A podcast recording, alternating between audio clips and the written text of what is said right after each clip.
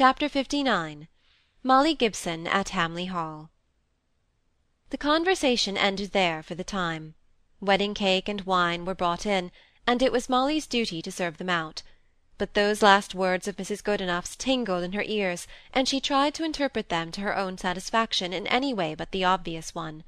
And that, too, was destined to be confirmed, for directly after Mrs. Goodenough took her leave, Mrs. Gibson desired Molly to carry away the tray to a table close to an open corner window, where the things might be placed in readiness for any future callers, and underneath this open window went the path from the house door to the road.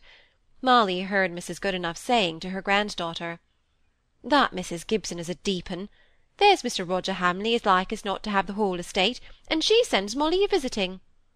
And then she passed out of hearing. Molly could have burst out crying, with a full sudden conviction of what Mrs. Goodenough had been alluding to, her sense of the impropriety of Molly's going to visit at the Hall when Roger was at home. To be sure, Mrs. Goodenough was a commonplace, unrefined woman. Mrs. Gibson did not seem to have even noticed the allusion. Mr. Gibson took it all as a matter of course that Molly should go to the Hall as simply now as she had done before. Roger had spoken of it in so straightforward a manner as showed he had no conception of its being an impropriety, this visit, this visit until now so happy a subject of anticipation. Molly felt as if she should never speak to any one of the idea to which Mrs. Goodenough's words had given rise, as if she could never be the first to suggest the notion of impropriety which presupposed what she blushed to think of. Then she tried to comfort herself by reasoning. If it had been wrong, forward, or indelicate, really improper in the slightest degree, who would have been so ready as her father to put his veto upon it?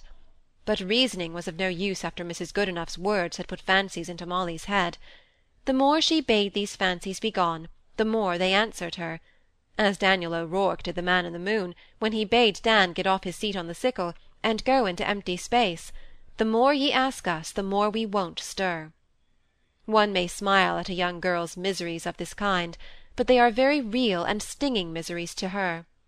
All that Molly could do was to resolve on a single eye to the dear old squire, and his mental and bodily comforts; to try and heal up any breaches which might have occurred between him and Aimée; and to ignore Roger as much as possible. Good Roger! kind Roger! dear Roger! It would be very hard to avoid him as much as was consistent with common politeness, but it would be right to do it; and when she was with him she must be as natural as possible, or he might observe some difference. But what was natural? How much ought she avoid being with him? Would he even notice if she was more chary of her company, more calculating of her words? Alas! the simplicity of their intercourse was spoiled henceforward. She made laws for herself, she resolved to devote herself to the squire and to Aimée, and to forget Mrs. Goodenough's foolish speeches. But her perfect freedom was gone, and with it half her chance that is to say, half her chance would have been lost over any strangers who had not known her before.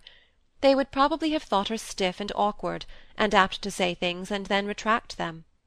But she was so different from her usual self that Roger noticed the change in her as soon as she arrived at the Hall. She had carefully measured out the days of her visit. They were to be exactly the same number as she had spent in the Towers. She feared lest if she stayed at the Hall a shorter time the squire might be annoyed.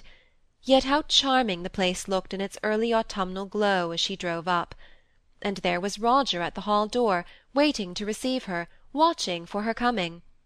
And now he retreated, apparently to summon his sister-in-law, who came now timidly forwards in her deep widow's mourning, holding her boy in her arms, as if to protect her shyness. But he struggled down and ran towards the carriage, eager to greet his friend the coachman, and to obtain a promised ride. Roger did not say much himself; he wanted to make Aimée feel her place as daughter of the house, but she was too timid to speak much; and she only took Molly by the hand and led her into the drawing-room, where, as if by a sudden impulse of gratitude for all the tender nursing she had received during her illness, she put her arms round Molly and kissed her long and well. And after that they came to be friends. It was nearly lunch-time, and the squire always made his appearance at that meal more for the pleasure of seeing his grandson eat his dinner than for any hunger of his own. To-day Molly quickly saw the whole state of the family affairs. She thought that even had Roger said nothing about them at the Towers, she should have seen that neither the father nor the daughter-in-law had as yet found the clue to each other's characters, although they had now been living for several months in the same house. Aimée seemed to forget her English in her nervousness, and to watch with the jealous eyes of a dissatisfied mother all the proceedings of the squire towards her little boy. They were not of the wisest kind, it must be owned. The child sipped the strong ale with evident relish, and clamoured for everything which she saw the others enjoying. Aimée could hardly attend to Molly for her anxiety as to what her boy was doing and eating, yet she said nothing. Roger took the end of the table opposite to that at which sat grandfather and grandchild. After the boy's first wants were gratified, the squire addressed himself to Molly. "Well, and so you can come here a visiting, though you have been among the grand folks. I thought you were going to cut us, Miss Molly, when I heard you was gone to the Towers. Couldn't find any other place to stay at while mother and father were away but at an earl's, eh?" "They asked me, and I went," said Molly. "Now you've asked me, and I've come here." "I think you might ha' known you'd always be welcome here without waiting for asking. Why, Molly, I look upon you as a kind of a daughter more than madam there," dropping his voice a little, and perhaps supposing that the child's babble would drown the signification of his words. Nay, you needn't look at me so pitifully. She doesn't follow English readily." "I think she does," said Molly in a low voice, not looking up, however, for fear of catching another glimpse at Aimée's sudden forlornness of expression and deepened colour. She felt grateful, as if for a personal favour, when she heard Roger speaking to Aimée in the moment afterwards in the tender tones of brotherly friendliness and presently these two were sufficiently engaged in a separate conversation to allow Molly and the squire to go on talking. "He's a sturdy chap, isn't he?" said the squire, stroking the little Roger's curly head. "And he can puff four puffs at grandpapa's pipe without being sick, can't he?" "I shan't puff any more puffs," said the boy resolutely. "Mamma says no, I shan't." "That's just like her said the squire, dropping his voice this time, however. "As if it could do the child any harm!" Molly made a point of turning the conversation from all personal subjects after this, and kept the squire talking about the progress of his drainage during the rest of lunch. He offered to take her to see it, and she acceded to the proposal, thinking meantime how little she need have anticipated the being thrown too intimately with Roger, who seemed to devote himself to his sister-in-law. But in the evening, when Aimée had gone upstairs to put her boy to bed, and the squire was asleep in his easy-chair, a sudden flush of memory brought Mrs. Goodenough's words again to her mind.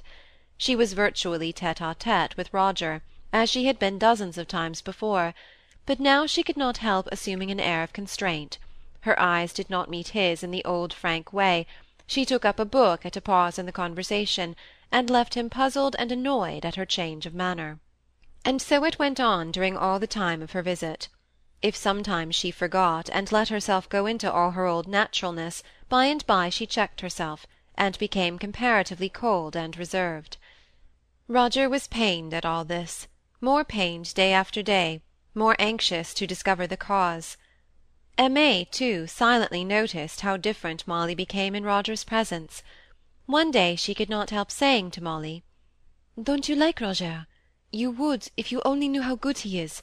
He is learned, but that is nothing. It is his goodness that one admires and loves." "He is very good," said Molly. "I have known him long enough to know that." "But you don't think him agreeable?